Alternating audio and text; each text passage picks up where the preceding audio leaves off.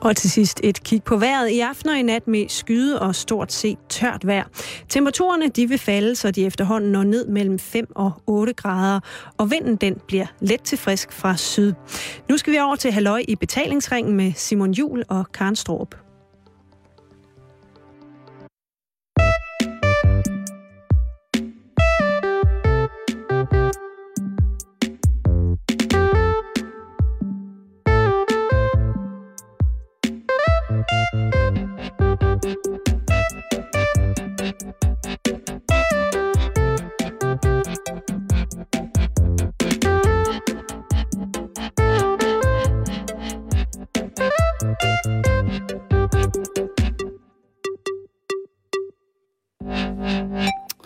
Fredag eftermiddag, og rigtig hjertelig velkommen til Halløj i betalingsringen. En, øh, en afslutning på en uge, som blandt andet har bragt øh, en juletræsskandale frem i lyset. Derudover så har der været den mindre bagatel af et amerikansk præsidentvalg.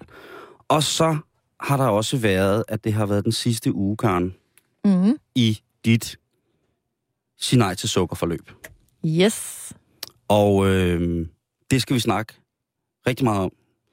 Altså, jeg kan allerede nu lave en lille teaser. Gør det. Og det Gør er, det. Jeg synes, at det er vigtigt. for præcis en måned siden i dag, Ja. der fik jeg jo fint besøg på en karendag, der Mhm. handlede om sukkerafhængighed af Jeppe Just, der er diætist. Og ham har jeg inviteret ind i studiet igen i dag til at fejre, at jeg har månedsdag i dag som sukkerfrit menneske. Tillykke. Så det vender vi tilbage til lidt senere. Tillykke. Tak, Jeppe. Det, er, det glæder mig til. Jeg glæder mig til at høre om, øh, selvom jeg jo har fulgt det på nærmeste hold, mm. Så at sige, så glæder jeg mig til at høre, hvad, øh, hvad du får ud af at snakke med Jeppe om, hvad, hvad det ligesom har gjort for dig, at Ja, øh, du altså er... det- Det er ligesom sådan en, en, en opfølgende snak, hvor at vi, øh, vi skal læse højt fra Karens dagbog, og øh, så skal vi snakke om, hvad man kan gøre herfra, hvor jeg står nu, for ligesom at beholde de her gode vaner. Så du, du regner med at forblive Karen Light uden aspartam? Ja, eller sådan... Jamen, det... det, det En modificeret Karen Light? ja, ja. Men ikke Karen Light. Men nej. jeg synes... Karen, Karen kan ikke være light. Nej, nej, det skal hun heller Det ikke. findes ikke. Nej. Men, men det, det, det vil jeg afsløre for dig lidt senere, Simon. Jeg har en Skidegodt. plan. Det glæder jeg mig til. Men lad os først lige så, inden vi kommer til det store forkromede hyldest show Ja. øh, af din øh, standhaftighed, din stamina og din velvilje over for dit eget helbred. Mm. Start med juletræet Helsingør. Har du hørt om sagen? Ja, Jeg riser den kort op. tak. Øh, ikke Helsingør, undskyld. Kokkedal. Kokkedal. Jeg Undskyld. skulle lige til at sige. Ja, jeg, det ikke var der, jeg er tåbe. I ghettoen ude i Kokkedal, Ja. der har der jo været en øh, boligforening, som har fået sløjfet deres juletræ. Og der tænker man måske, der øh, hørte, ja, øh, de har fået sløjfet deres juletræ, og hvad så? Men det viser sig jo, at dem, der har fået sløjfet juletræet, er muslimer. Eller det vil sige, de mennesker, som der sidder i øh, Grundejerforeningens øh, juletræsudvalg, eller udvalg, der skal stå for, Så det er vel Jamen- en eller anden form for bestyrelse, ikke? Ja. Hva- Hvordan skal vi pynte, og hvordan skal vi fejre vores traditionelt oppyntede fællesareal øh, omkring december, og det gør vi jo altså med et juletræ traditionelt. Men der har så ikke været tilslutning nok til, at de skulle have juletræet igen. Nej. Og der tænker jeg, okay, det er der bare en ekstra blad saucer for alle pengene. Og jeg, altså, den, har, den har jo kørt øh, en uge nu, øh, og jeg tænker, Stort det var- drama. Ja, stort drama. Og så ser jeg øh, en, et klip i går øh, på TV2, hvor der står en dame og siger, at hun synes altså, det er lidt noget råd. Øh, og hun synes også øh, grundlæggende, at jamen, øh, hun har ikke lyst til at, at få skabt tanken ind i hovedet, der hedder, det er os mod dem. Mm-mm. Og det synes jeg var så fint formuleret. Så det faldt mig lidt for hjertet at begynde at interessere mig for, hvad der egentlig skete i den her grimme, grimme juletræssag i de pæne Nordsjælland. Ja. Og øh, der var meget for og imod. Øh, dem, der har været øh, imod, at juletræet øh, skulle komme op, er til synligheden en minoritet, som ikke er en minoritet deroppe, som har besluttet, at jamen, det er okay, vi bruger øh, omkring 60.000 kroner på vores Eid-fest, Som er den muslimske højtid. lige præcis afslutning på faste, altså en, en Eid Mubarak, er, der skal bare, der, der skal spises, og der skal ligesom, øh, der skal festes igennem. Og der har været en kæmpe stor fest deroppe med en masse deltagere, og, øh, men nu må de ikke have juletræ. Og så er det jo klart, så er det jo tradition mod tradition. Og det er noget med, at det der juletræ, Mm. det var en post til 6.000 kroner. Et sted mellem 6-7 og 1000 kroner. Okay. Lad os ikke være, Ej være, være øh, myrknæppende omkring det, men der er i hvert fald væltet ind med tilbud om, at øh, foreningen kan få betalt juletræet, hvis det var det, der var et spørgsmål. Men det er jo nok ikke helt det, der er spørgsmålet i virkeligheden. Det, der så, det, det, det der er blevet gjort til et problem, det er jo også øh, i, på grund af medierne. På grund af Oscar. Er det nu os i Så nogen som os, ikke? Jo. Har brug for en historie. og en kæreste? Nej, det ved jeg Og et ikke. juletræ. Men i hvert fald brug for et juletræ deroppe, ikke? Og det, der slog mig meget ved hende, øh, den søde dame, det var det, hun sagde, det, jeg, jeg, hun, hun havde det så skidt med, at det var os mod dem. Altså os kristne danere, Som vi jo alle sammen er i dette land. undtagen mig, og så selvfølgelig øh, muslimerne. Ja. Og jeg kan simpelthen ikke forstå, altså fordi i mig, der kom den der, der jeg havde i et sporadisk sekund, siger der Karen, Mm. der havde jeg øh, en lille racist inde i maven, der sagde, Nå. hvad er det dog også for nogle perker, der bilder sig det ind, at der ikke skal være juletræ, når det er jul? Og så tænker jeg jo, øh, hey Simon Jul, har du selv juletræ? Hvorefter jeg må konstatere, øh, nej, det har jeg ikke. Øhm, men jeg synes også, at det er... Og så forsvandt racist også. Fordi så okay. Tænker jeg, okay, nu er du bare dum. Har du kigget på dig selv i spejlet på det sidste? Øh, det nytter ikke. Men jeg tænkte, hvad kan, man, hvad kan man dog gøre? Tænk på de stakkels mennesker, der i skal gå en tid i møde, som for alle voksne mennesker stort set er en forfærdelig tid. Jamen det er jo, altså det er, det det er skrækindjagende, hvad man skal stille op til af sociale tvungne arrangementer, fordi det er i julens ånd, så skal man gøre det. Og vil du da hoppe ned af den nøgne hest, hvor skal man mange mærkelige ting. Og så tænker jeg, det kan da godt være, at jeg kan da godt forstå, at det behøver man ikke. Hvis man kommer fra en anden tradition, så kan jeg da godt se, hvis man stiller sig op og kigger på det, så tænker man, altså vi tænker jo, hvad satan spiser I ikke fra solen står op til den går ned, og I skal gå på arbejde? I er jo fuldstændig forkert skruet sammen. Hvad Mhm. er det dog for et sted, I kommer fra?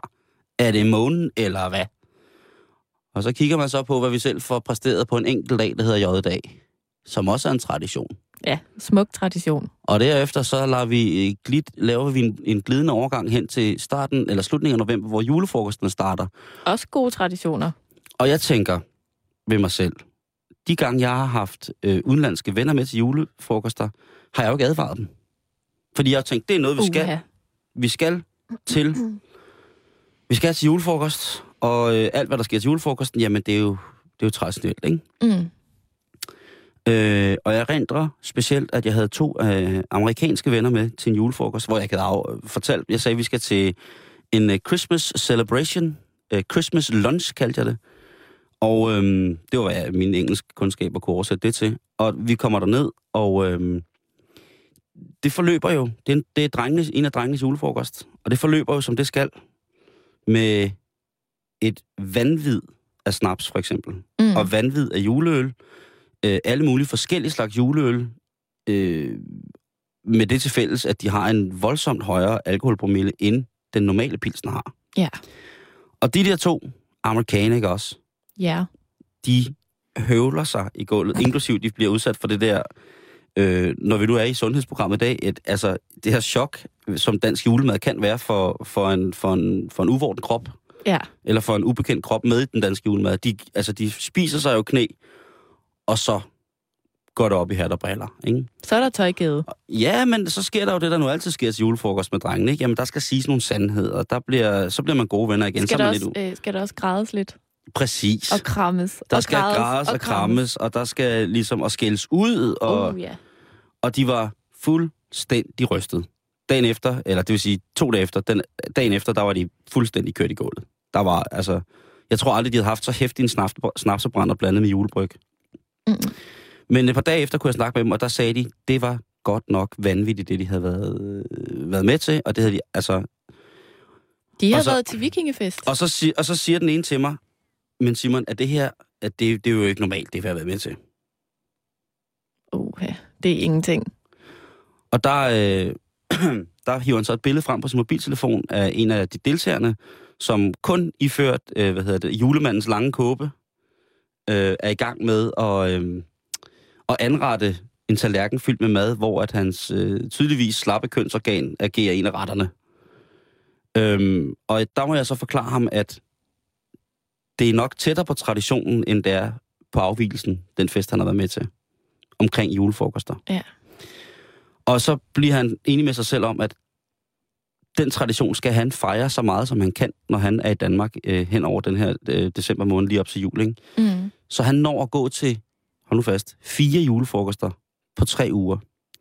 Og han kan næsten ikke få nok af det. Men på den anden side, så siger han så også, at det var aldrig nogensinde gået i USA på den måde.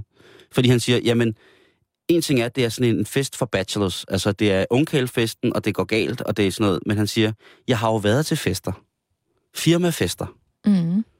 Det firma, han arbejdede julefest, hvor altså, han siger, det havde man altså ikke, de ting, som chefen gjorde der, det havde man altså ikke lige måske set i USA. Nej. Så det er savnomsbunden tid, traditionsbunden tid, og juletræet skal være. Hvad, fan, hvad synes du? Jamen, jeg har faktisk tænkt meget over det, Simon. Det er jeg glad for. Ja, Egentlig. fordi jeg synes, den, den er lidt i den her sag. Ja, det er. Fordi at den jo handler om noget, der er meget, meget, meget centralt i vores samfund. Ja. Og det er demokratiet. Jo.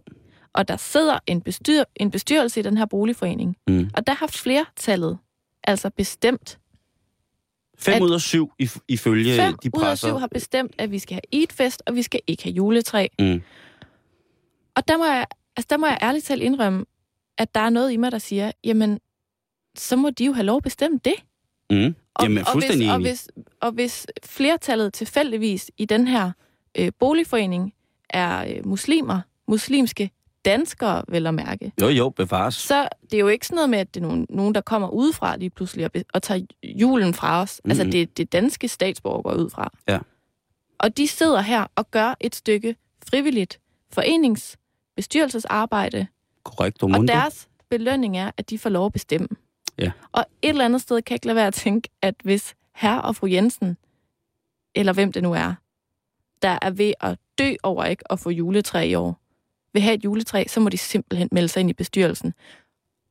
Og jeg ved, hvor mange, der sidder derude og er medlem af sådan nogle boligforeningsbestyrelser. Det er indimellem røv og nøgler. Men man gør det, fordi der er nogen, der skal gøre det. Og det her er jo bare et eksempel på, at der faktisk er nogen lokale, der er meget engageret i det her, og så ligesom bare har bestemt, fordi det er dem, der må bestemme. Ikke? Mm. På den anden side, så havde vi jo øh, tidligere på ugen den her snak om dyder og traditioner, og hvor følelsesladet sådan noget meget hurtigt bliver. Ja. Øhm, og jeg er jo en julepige. Jo, Det kan der vist ikke være nogen tvivl om. nej, det skal der ikke herske tvivl om. Og jeg steder. synes, det er en meget, meget smuk tradition, vi har her i landet, kristne eller ej, muslimer, whatever, at øh, vi går den mørke tid i møde med en masse lyskæder, for Mhm. eksempel.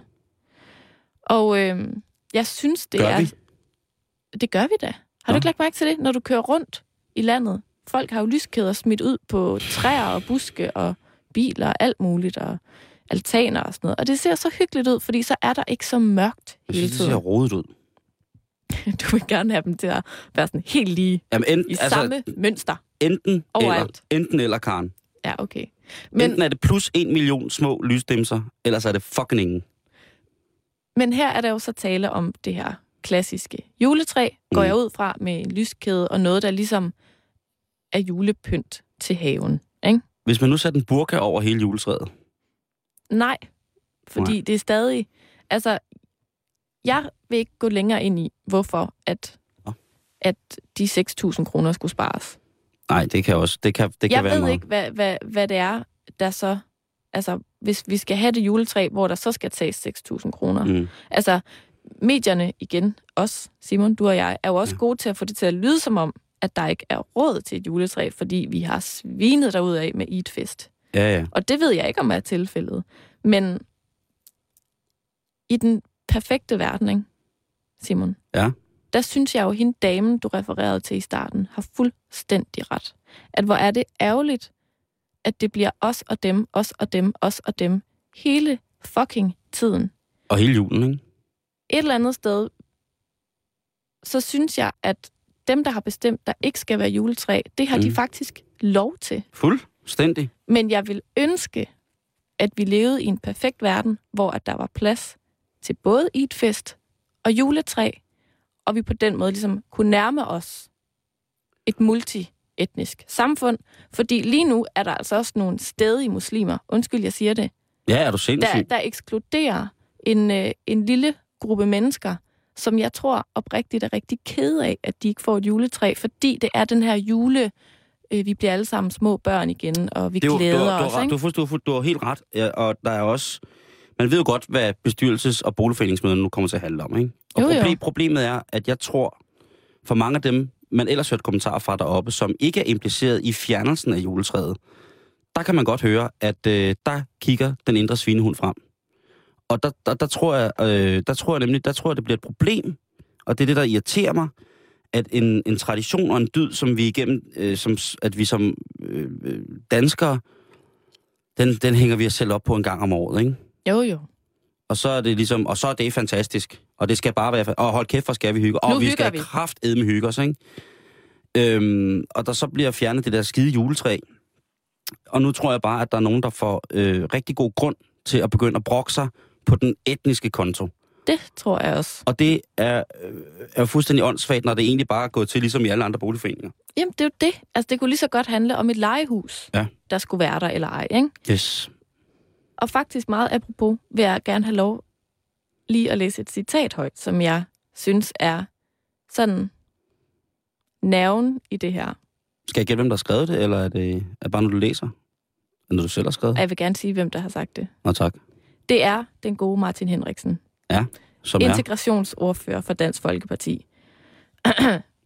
stor, stærk mand, Ja, Ja, ikke mindst. må man sige. Han har simpelthen i dag udtalt,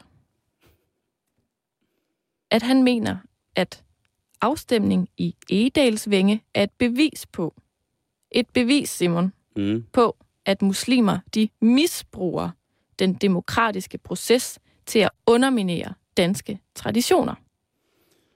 Ja. Og det stopper ikke her. Nej. Så, så, så Martin Henriksen, han synes simpelthen, at muslimerne, de misbruger demokratiet. Og så siger han, det der foregår her, hvis ikke det lokale demokrati kan fungere på en sådan måde, at man værner om de danske traditioner, så må man lovgive i Folketinget. Husk på, at vi har åbnet vores land for de her mennesker. Det er simpelthen uforskammet at underminere dansk kultur, demokrati eller ej. Og det er jo lige det, jeg snakkede om før, ikke? Han taler jo til, øh, til alt det der. Og det, jeg, jeg er nødt til at sige, Simon, at jeg, jeg tror simpelthen helt grundlæggende, at der er noget, søde Martin simpelthen ikke har forstået. som er... Demokrati. Men det, men det, det ligger måske lidt til hans, øh, hans hovedparti, at der nogle gange er... Øh, nej, jeg vil ikke sige, at de ikke forstår det. De har bare en alternativ opfattelse af, hvad demokrati også kan være. Og så synes jeg, at man skal tænke over, at der jo er masser af boligforeninger, hvor det her det fungerer rigtig fint, og hvor folk lever fint sammen, side om side. Nu skal det her ikke til at være sådan noget, Nå, hvordan er øh, muslimerne så i din boligforening? Ikke? Altså, man kan lige høre det for sig. Mm. Og det er der bare heller ikke nogen grund til. Ring på hos hinanden, i stedet for at byde hinanden på en kop kaffe. Måske, skal af, jeg at det ikke er så holde, måske skal jeg bare holde muslimsk jul. Det synes jeg er en god Statuere et idé, eksempel. hvis det findes. Øh, Det tror jeg ikke. Men hvor med alting er, Mm. så må vi opfordre til, at, at øh, der kommer flere, så mange, som overhovedet kan trækkes ud i det offentlige rum, flere kulturelle og multietniske juletræer. Det vil jeg gerne opfordre til.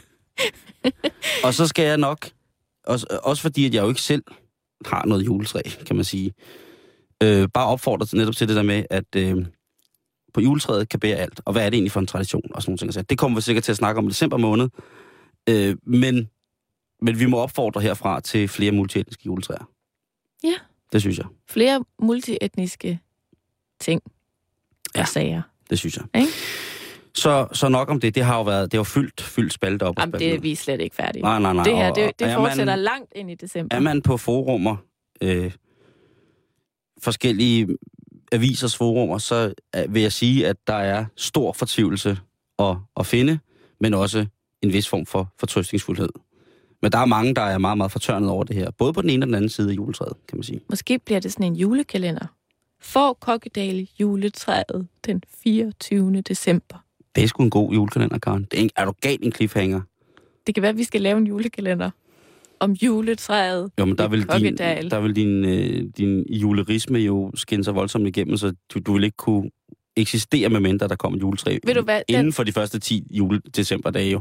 Den, den julekalender, den vil jo ende med, at hele boligforeningen, muslimer og kristne, børn, gamle, unge, danser om juletræet sammen og ønsker hinanden øh, Eid Mubarak og glædelig jul. Og der bliver Og serveret både and og steg. Ja. Ah, men det bliver så fint, Karen. Og alt muligt andet lækkert. I den sammenhæng er der noget, jeg skal forberede mig på her øh, inden december, i forhold til, hvordan at du har tænkt dig at, øh, at, at pynte vores redaktion op. Jeg var så tæt på at købe det første stykke julepynt for en uge siden faktisk, i sidste uge. Men jeg beherskede mig og tænkte, ej, jeg venter lige lidt. Det er jeg glad for. Men, men jeg har et, øh, jeg har et kalenderlys, Om det synes jeg er en som jeg idé. tager frem hvert år, som er det samme, som jeg har tænkt mig, at skal stå på vores redaktionsbord. Øh, Ja, Det er tænker det. du, er Ja, det et det- magisk strinlys? ja, det tænker jeg faktisk. Skal jeg afsløre, hvordan det fungerer? Nej, lad, lad os vente. Lad det være en cliffhanger. Og hvilken hvordan- cliffhanger. Jeg ved bare, når du ser det, Mm. så går du fuldstændig amok. Er det sorte med dødninghoveder og lidt metal på? Nej, det er det ikke. Så kan jeg jo ikke gå helt amok. Men det er firkantet, og så siger jeg ikke mere. Okay, godt. En anden ting, der har fyldt pressens øh, side op og side ned i de sidste lang, lang, lang, lang tid, det har været det amerikanske præsidentvalg. Det blev, øh, det blev som sagt øh, Barack Obama, som løb af med, med sejren, og man har, hvis man har givet følge med i det, Mm. så har man kunne se den ene, altså, fant- altså fantastiske tale, synes jeg, efter den anden, når han stiller sig op og taler. Altså, O to the Bama. Lige præcis. Mm. Og så har man set på Mitt Romney, og så har man også tænkt, du det godeste Gud. Han er rig. Ja, han er rig og har fem drenge. Han er mormon. Han har lommerne fyldt med guld. Men med Obama, når man sådan har fulgt med, hvis man har fulgt med siden 2008 i, hvad han har gået og lavet og rodet, ikke siger, jeg er fuld, fuldstændig voldsomt med, men der, man har set lidt. Der er, øh, der, der tænker jeg tit på, at man ved jo godt, at folk har nogen, der skriver taler til dem. At vores politikere, når de stiller sig op Altså, offentligt er klar. at det er ikke Helle T. for eksempel, der skriver Nej. sine egne taler. Og Obama har heller ikke skrevet sine egne taler. Nej. Det er nemlig en gut, som hedder Jon, som har skrevet alle Obamas taler. Nå. Han hedder Jon Favreau, og han er fra 1981. Og han startede faktisk allerede ved sidste valgkampagne hos øh, John Kerry, øh, og blev sendt videre til Obama har været alle mulige steder. Han er lidt en... Øh, en øh, han er den næst yngste mand, der nogensinde er blevet, øh, hvad hedder det, blevet ansat i, øh, i det hvide hus øh, under en præsident. Mm.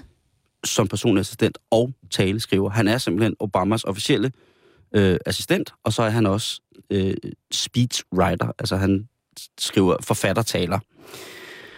Øh, han er en, en brændende demokrat, øh, og på trods af sin unge, af sin unge alder, så har han altså været i gang i helt siden, at han øh, gik i folkeskole. Nå.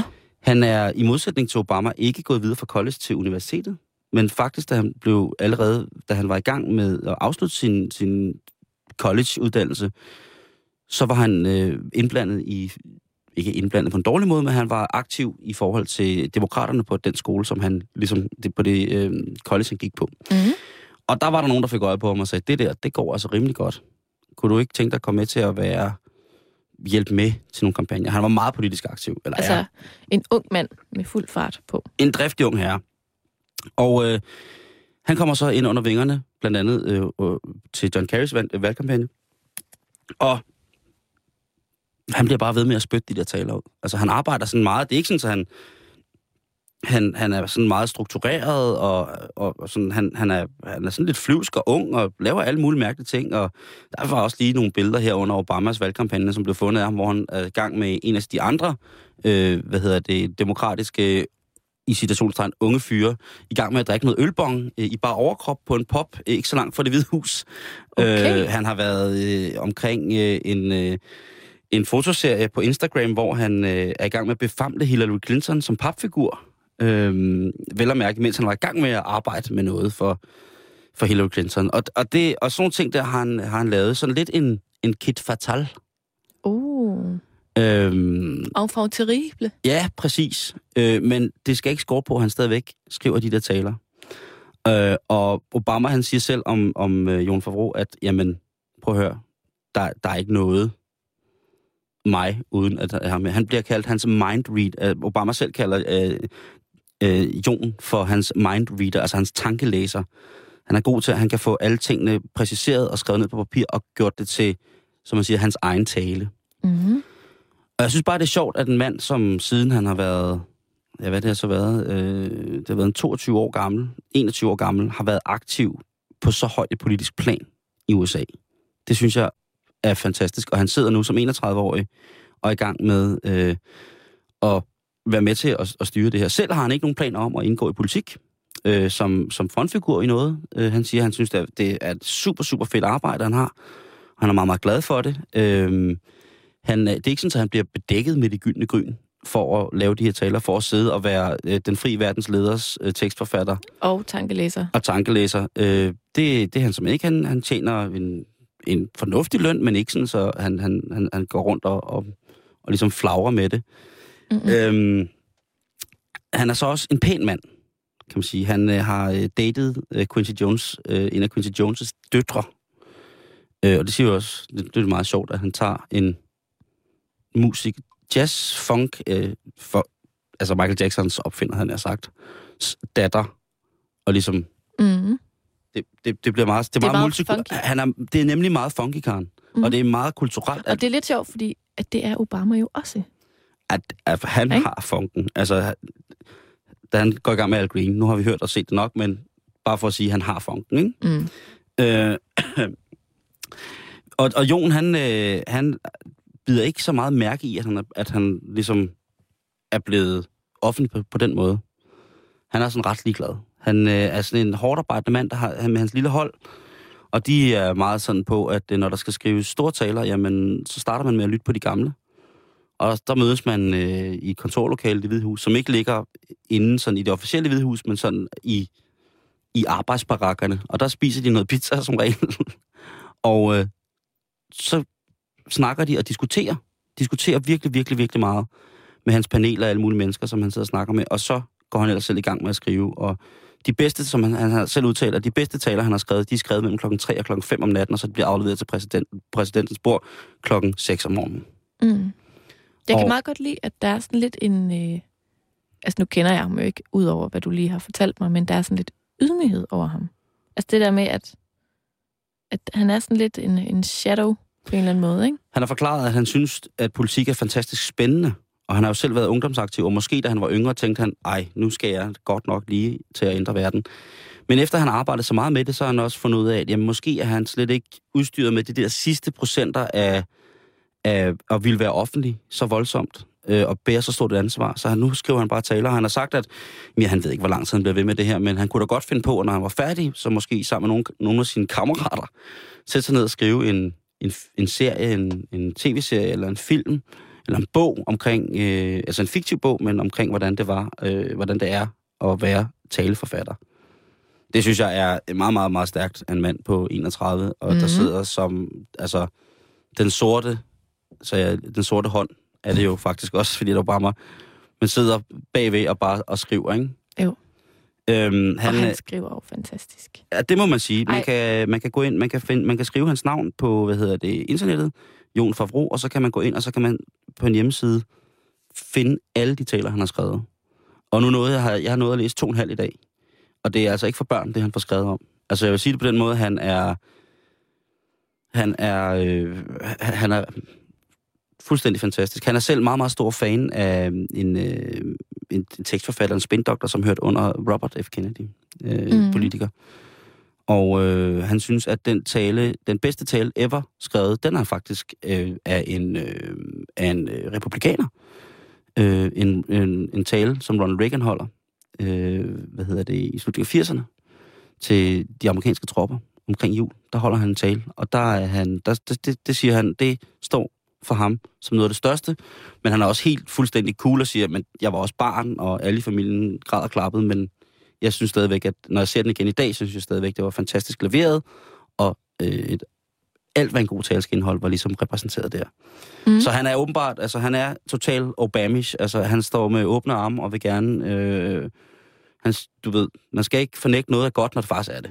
Men det er meget sejt, også det der med, at han ligesom, han gør jo sit arbejde ordentligt, ikke? Altså mm. han, øh, han er jo ikke sådan et wunderkit, der bare sådan får sådan en inspirationslyn ned i sig, og så skriver han en fantastisk tale. Jeg kan godt lide det der med, at han jo øh, gør sit forarbejde, ikke? Mm. At, at det der med, og det ved vi alle sammen, os, der har været til familiefester og så videre, Ja. at uanset hvor lang en tale du laver, eller til hvem, så findes der gode taler, og der findes dårlige taler. Og de gode taler, det er altså bare dem, der har forberedt. Ja. Det er ikke dem, som ligesom bliver sådan en naturlig opsummering af, hvad alle andre har sagt hele det er aftenen. Men, men, men de der, hvor at der, der er gjort et, et rigtig godt stykke forarbejde, og man får indarbejdet nogle, nogle referencer, eller nogle citater, eller nogle, et eller andet. Altså, det er jo bare skide god underholdning. Han er også øh, Jon Favreau øh, på 31 år, som er Barack Obamas øh, taleskriver, har været det siden øh, han var i midten af 20'erne. Han er også kåret som, øh, han er også på listen over verdens mest smukke mennesker øh, i, det, i det blad, der hedder People. Ej, det er næsten unfair, ikke? Så han helt usynlig. Øh, og han er også blevet smuk. sat på listen over de 100 mest øh, indflydelsesrige folk i verden af Times Magazine. Er han single? Ja, det er han faktisk, Karen. Øh, han, øh, eller det melder hans Wikipedia-side ikke noget om, og hans private, øh, hvad hedder det, øh, de må jo ikke have private hjemmesider øh, på den måde. Men øh, der står her, hvis jeg nu lige er hurtig, at han, øh, ja, han var, øh, han var kærester, som sagt, med Rashida Jones, som var datter af Quincy, og Peg, øh, Quincy Jones og Peggy Lipson. Deres forhold er slut, Karen. Ser man det? Ja. Aha.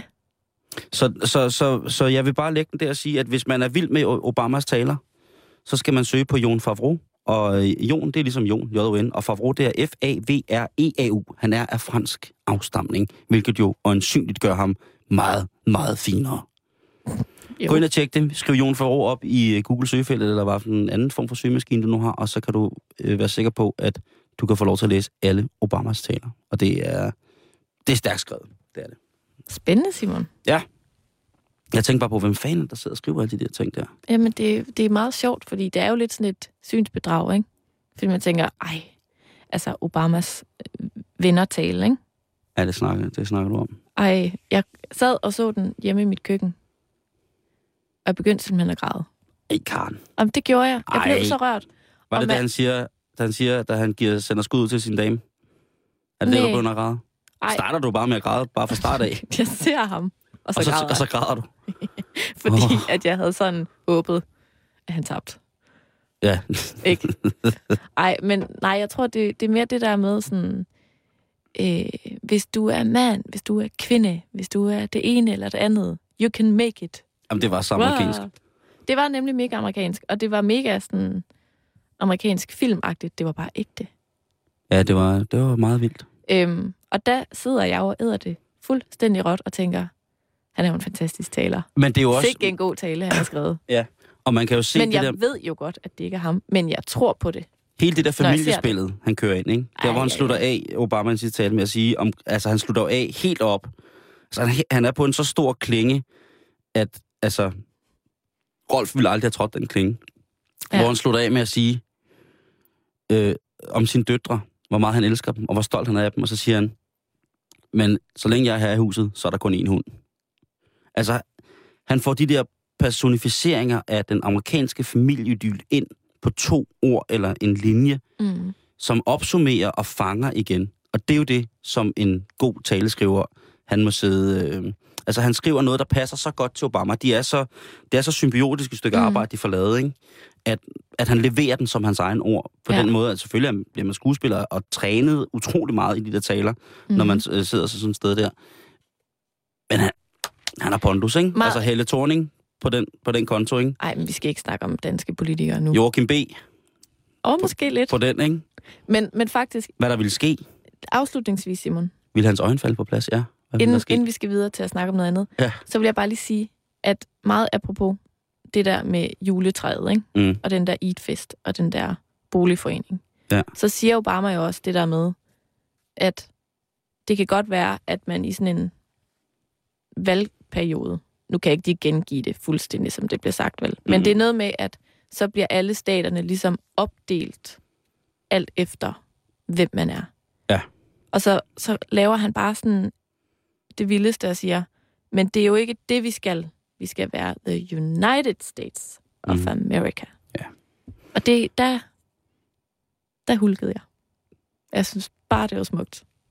Det er godt, du hulkede det, for det gør jeg ikke. Men jeg synes, det var en fin tale. Og med disse ord, Simon, Med disse ord, skal vi til noget også meget festligt. Ja. Og øhm, det er jo fordi, for en måned siden, præcis i dag, Simon, Ja. der var det Karendag her i programmet. yes. Og der skulle det handle om sukkerafhængighed, fordi jeg ligesom havde indset med mig selv, at jeg måske havde lidt et problem, hvad angår sukkerindtag. Ja. Og der havde jeg fint besøg, og det har jeg igen i dag. Så rigtig hjertelig velkommen til dig, Jeppe Just, Mange tak. fra øh, Kostklinikken Emanuel. Yes.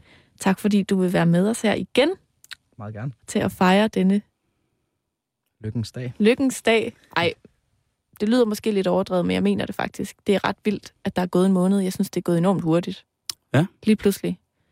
Men sådan havde jeg det ikke for, for to uger siden. Der synes jeg, at dagene gik meget, meget langsomt. Fordi vi kastede os jo ud i et eksperiment, Yes. som skulle være, at jeg skulle være sukkerfri i en måned. Jeg tror lige, jeg skal rykke Jeppe, inden at vi snakker videre. Ja, det må du gerne. Så forklarer jeg imens. Jeg skulle være sukkerfri i en måned. Og det betød egentlig bare, at jeg ikke måtte spise slik, kage, frugt, alle former for brød, ris, pasta og rodfrugter. Altså, jeg skulle simpelthen afskærme min krop for enhver form for, hvad skal man sige, af de der... Øh, Hurtigt optagelige kulhydrater. det var lige det ord, jeg manglede. Yes. Lige præcis. Og øhm, altså, jeg har stødt på en del, som, som har været meget sådan om, er du så på den der stenalderkur? Og det har jeg jo ikke været, fordi jeg har spist mælkeprodukter. Mm-hmm. Så på den måde kan man sige, har jeg også fået en lille smule sukker.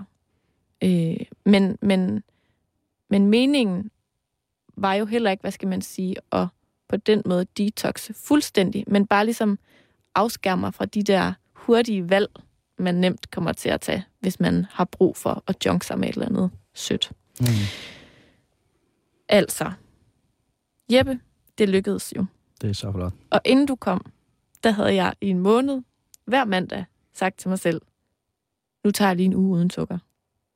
Og det ved du, Simon, fordi at jeg sagde det altid højt på kontoret til dig, og så gik der tre dage, og så røg jeg i igen. Lige indtil du kom. Og vi to, Jeppe, vi har jo haft sådan en løbende mail-korrespondance. Mm-hmm. Øhm, cirka en gang om ugen har vi skrevet lidt sammen. Øh, og det, det er ret fantastisk, fordi at øh, op til, at du skulle være med her i programmet, beder du mig så lige om at skrive ligesom en sidste mail, hvor jeg ligesom opsummerer lidt mere og reflekterer noget mere. Og så øh, sender du et svar tilbage i går aftes, øh, hvor at du har sådan taget uddrag fra alle mine mails. Og det er så her, det går op for mig, at den her mailkorrespondance vi har haft, den ikke kun var for at være rigtig sød og opbakkende over for mig, men jo selvfølgelig er en del af, hvad skal man sige, projektet. Mm-hmm. Fordi at du på den måde faktisk har tvunget mig til at skrive dagbog. Lige præcis. Så det har jeg slet ikke tænkt over, for jeg synes bare, det var herligt, at du sådan skrev en gang om ugen om, hvordan går det nu, Karen? Mm-hmm. Jeg havde ikke lige tænkt over, at det selvfølgelig var en del af det. Men jeg tænker, at, at, at vi lige skal bruge nogle af de uddrag til lige sådan at få sådan en opsummerende snak Ja. øh, om, hvordan det rent faktisk er gået, hvad for nogle resultater det har givet, og så også, øh, hvad kan jeg gøre, og de lyttere, der eventuelt er hoppet med på vognen, øh, hvad kan vi gøre for ligesom at holde den her gode, nye livsstil? Yes. Og øh, jeg starter simpelthen lige med at læse op. Endelig. Øhm, og det her, det er den 10. oktober. Det er dag 2. Og der skriver jeg til dig. Allerede i dag kan jeg mærke, at min indstilling til problemet har ændret sig markant. At mit fokus har flyttet sig fra afsavnet ved en måned uden sukker til alle de gode ting og følgerne af en måned uden sukker. Jeg har noget at bevise over for mig selv, og selvfølgelig bliver det hårdt. Men jeg er ligesom klar til at tage udfordringen nu. Lidt konkurrencemenneske er man vel. Yes. Så allerede på dag to faktisk, har jeg ligesom fået et projekt, og har ligesom indstillet mig mentalt på at skulle gennemføre det her. Så skriver jeg så senere samme, i samme mail. I dag har jeg spist virkelig meget protein og fedt, og det er virkelig tydeligt, hvordan jeg føler mig mæt på en helt anden måde. Det er rart. Især, at jeg ikke skal tænke så meget over fedtprocenter hele tiden, men mere tænke over at blive mæt. Og det var jo det her, du nævnte allerede for en måned siden. Prøv lige at Ja. forklare det her med, at jeg skulle spise rigtig meget fedt. Jamen, det er rigtig mange årsager. Øhm, første årsag er, at hvis du bare spiser mindre, end du har behov for, så vil du være sulten. Og hvis du er sulten, så vil din trang til kulhydrater være større. Så det er rigtig vigtigt, at hele dit system var mættet.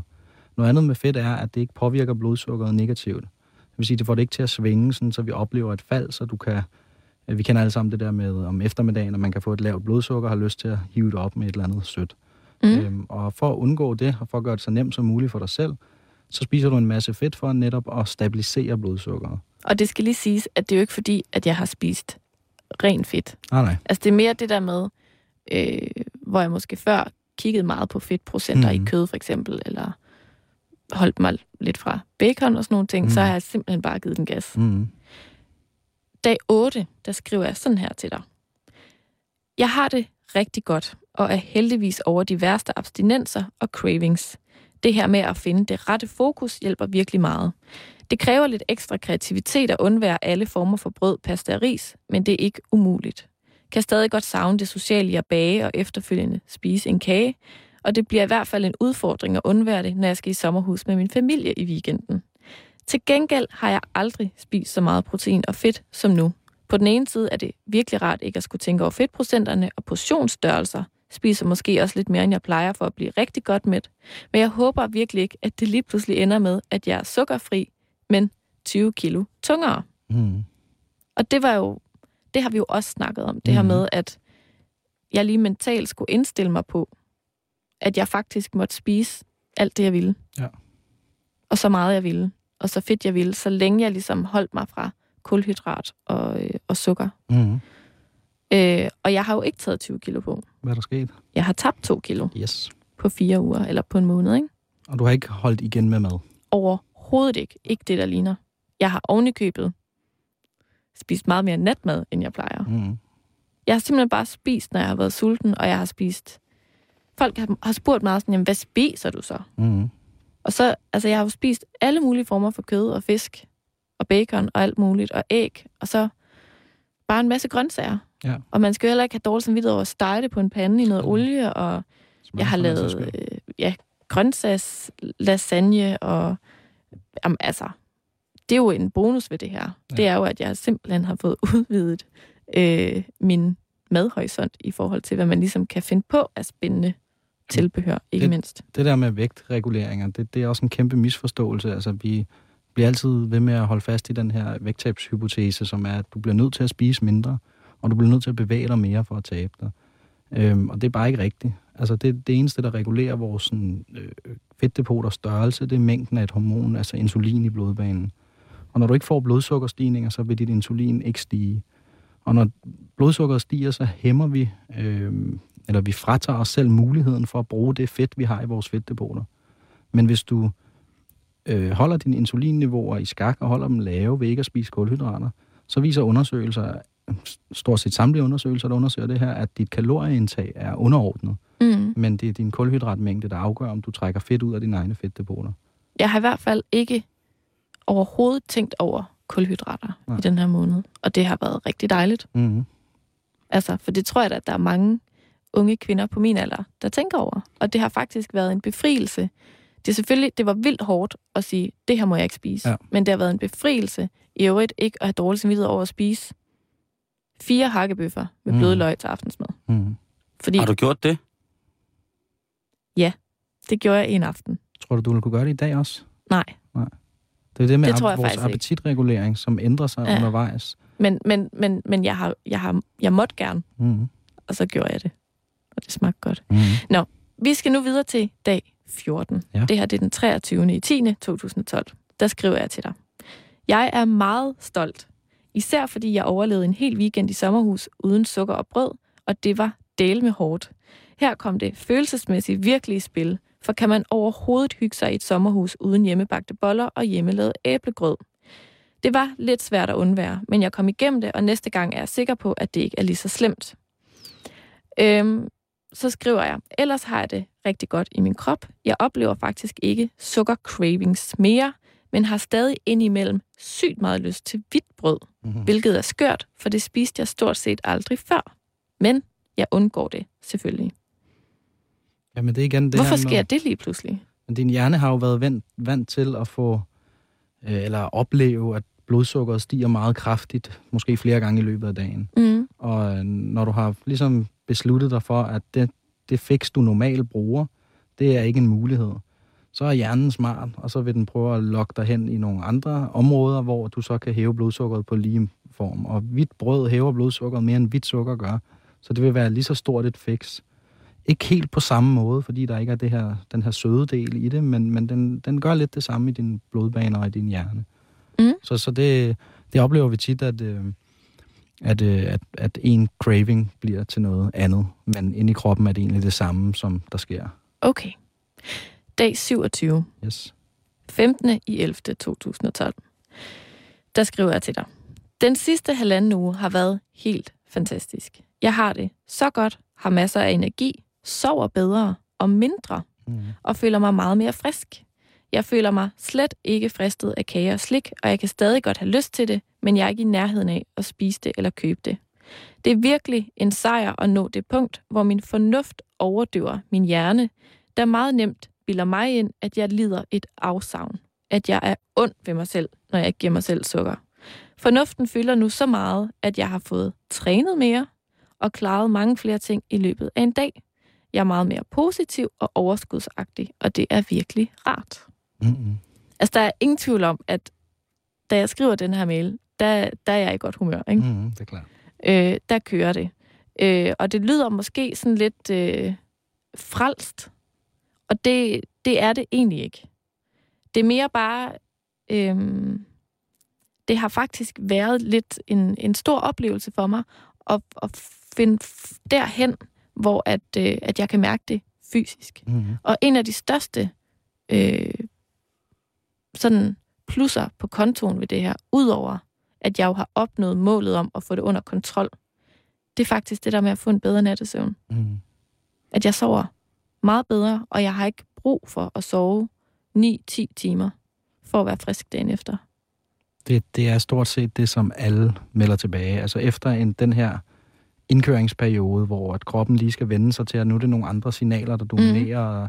og, måske savnet, øh, eller der er sådan en overgangsperiode, det er det, som du tidligere lige har beskrevet her, Mm. hvor kroppen vil bede om de samme ting. Men når det ligesom er overstået, alle får mere energi, alle bliver gladere, alle sover bedre, alle får et mere stabilt blodsukker. øhm, Man er ikke hele tiden på jagt efter næste måltid, og, og et eller andet sted, så er det det, som mm, der er den menneskelige diæt på et eller andet plan, og det er rigtig menneskemad, og så vil din krop fungere optimalt. Ja.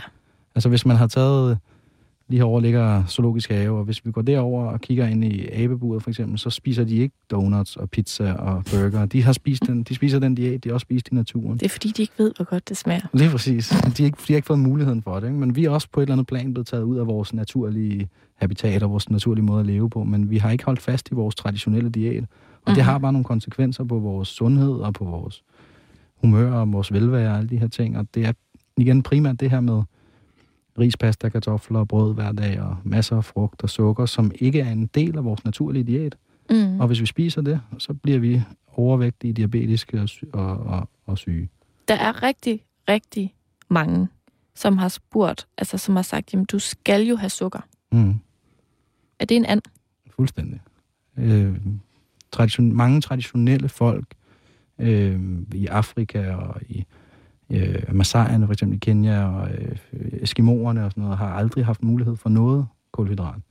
Altså det har, ikke, ikke, det har overhovedet ikke været en del af deres øh, diæter, i hvert fald i meget, meget små mængder. Mm. Og det, de har spist aller, aller mest af, det har været fedt.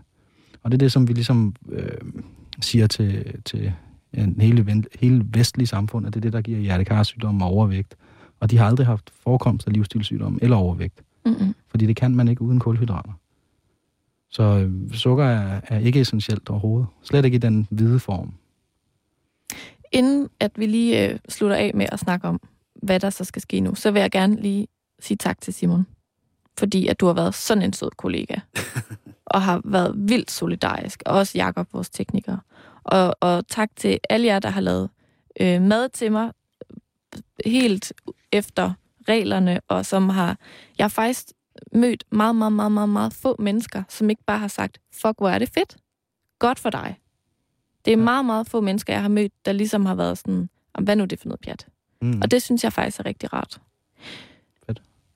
Inden vi stopper, hvad skal jeg så gøre nu for ligesom at... Jeg har jo lyst til øh, integrere det i mit liv igen, fordi jeg netop er en del af det vestlige samfund, mm. hvor der er nogle ting, der immer væk er meget besværlige, hvis man altså ikke spiser det ene eller det andet eller det tredje. Ja.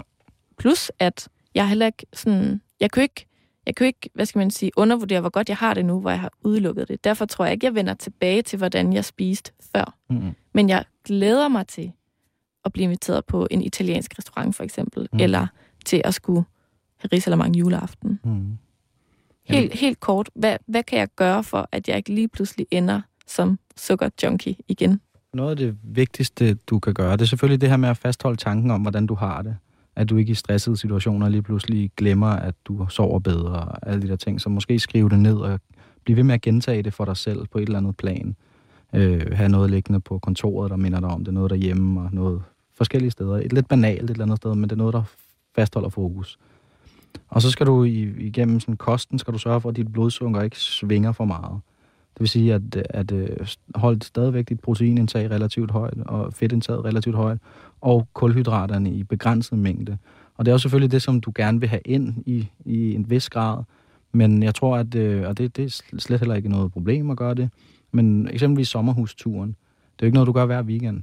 Så man gør det en enkelt weekend, det, hvad skal man sige, det ændrer ikke på, at du ikke har spist sukker hele ugen eksempelvis. Mm-hmm. Så det der med, at i stedet for at tænke på at sønde, så tænk på at nyde det i hele weekenden, og så starter du forfra mandag, ikke fordi, at du skal, men fordi du har det bedre, når du gør det på den måde. Mm. Og så kan du også tænke tilbage på weekenden, som det har været super hyggeligt, det her er nyt, i stedet for at skamme dig over det og have det dårligt over det. Fordi så kan du alligevel ikke nyde det på den lange bane. Jeppe, tak fordi at du kiggede forbi her i programmet endnu en gang, og tusind, tusind, tusind tak for hjælpen i det her vilde sukkerfri projekt. Fedt. Nu er det weekend, og nu er jeg jo, nu må jeg jo spise det, jeg vil. Ja, Karen, det må du jo. Du må... Øh... Jeg, jeg kommer til at kokse hele weekenden. Ja, det bliver da dejligt. Det bliver skønt. Det bliver da helt... Og apropos din weekend, Karen, øh, på faldrebet. Ja.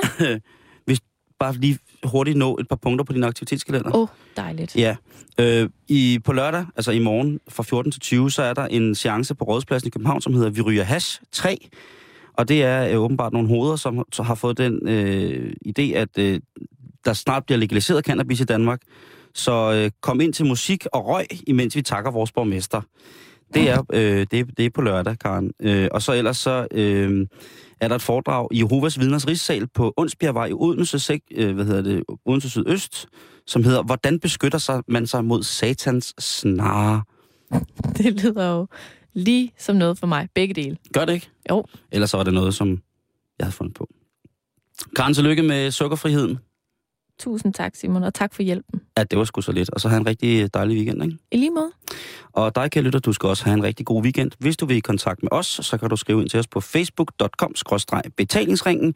Ris og ros og velkommen. Husk, at vi spiller om en erotisk bed and breakfast. Nu klokken 18, det betyder, at vi skal have et nyhedsoversigt her på Radio 24 Radio 24 på søndag inviterer Søren Klæstrup og Morten Krone Sejersbøl til Fodbold FM's fødselsdag med gæster i studiet. To timers live-debat med analyser, anekdoter, taklinger og skulderklap. I panelet sidder blandt andre AGF-træner Peter Sørensen og landstræner Morten Olsen, som du kan stille direkte spørgsmål til. Byd også ind med spørgsmål på Facebook og Twitter, og vær samtidig med i konkurrencen om Champions League og Superliga-billetter. Og ikke mindst Simon Poulsens kampstrømper fra sommerens EM-omgang mod Holland. Det og meget mere. I Fodbold FM. Søndag kl. 21. Radio 24 7.